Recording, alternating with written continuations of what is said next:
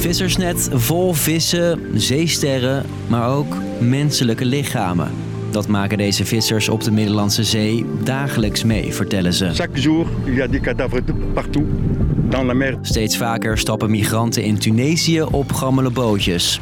In de eerste drie maanden van dit jaar vertrokken tien keer zoveel mensen uit dit land dan in diezelfde periode vorig jaar. The situation in Tunisia is very, very dangerous. Mijn naam is Steve en ik leg je uit waarom er zoveel mensen uit Tunesië vluchten en wat de EU doet om deze massale uitstroom te stoppen. Lang verhaal kort. Een podcast van NOS op 3 en 3FM. Even terug naar 2010. Een fruitverkoper van 26, Mohamed Bouazizi, steekt zichzelf in brand in een Tunesisch stadje. Hij is boos over de corrupte overheid en politie in zijn land. En zijn dood blijkt het startschot van de Arabische lente.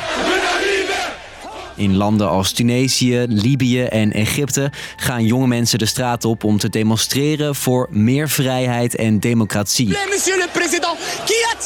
In Tunesië lijkt dat te lukken. Tunesië was eigenlijk eh, de democratische hoop in die regio. Je hoort Kizia Hekster, onze EU-correspondent. Daarom was vanuit de Europese Unie ook de gedachte: dat is wat we moeten vasthouden, daar willen we in investeren. Tunesië houdt voor het eerst vrije verkiezingen en vrouwen krijgen er meer rechten. Maar van die democratische hoop C'est la liberté de la Tunisie. Is nu nog maar weinig te zien. De president, Kais Saied, trekt steeds meer macht naar zich toe. Die sluit oppositie op, eh, journalisten op en eigenlijk alle mensen die hem niet mee willen werken met wat hij wil, die hebben het heel erg lastig gekregen in Tunesië. En ook met de economie gaat het niet goed. Dus mensen vinden het ontzettend moeilijk om rond te komen en daardoor willen ze weg. Dat zoveel mensen weg willen is dus voor een groot deel te wijten aan president Kais Saied. En hij vindt die massale emigratie ook niet erg. Sterker nog, zwarte mensen die soms al jaren wonen en werken in het land, moedigt hij aan om te vertrekken. Hij waarschuwt dat Tunesië wordt bedreigd door illegale, vaak zwarte mensen. Ze zouden deel uitmaken van een complot en ook nog eens voor meer criminaliteit zorgen. De president krijgt daar andere Tunesiërs in mee. Zwarte mensen zeggen dat ze worden belaagd en hun huis uit worden gejaagd. like a war. The civilians who are running after us to leave the country. Ja, het racisme tegen zwarte migranten wordt hen te veel. The racist is too much. So there is a big change.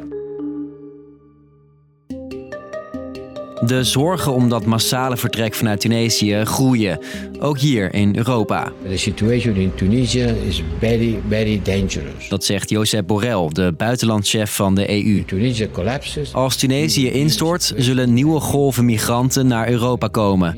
En dat moeten we vermijden, We have to avoid zegt hij hier. this situation.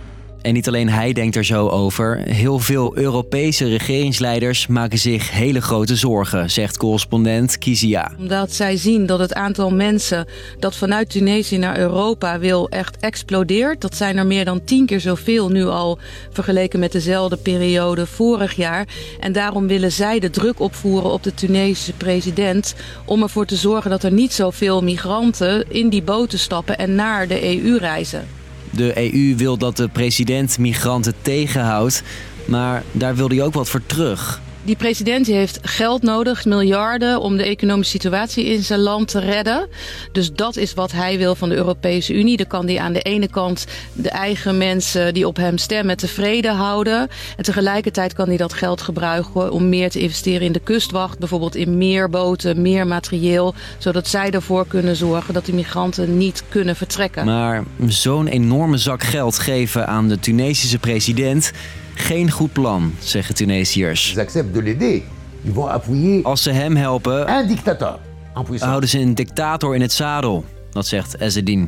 Hij is de vader van iemand die om politieke redenen gevangen is genomen. Ik vraag Europa om het Tunesische volk te helpen.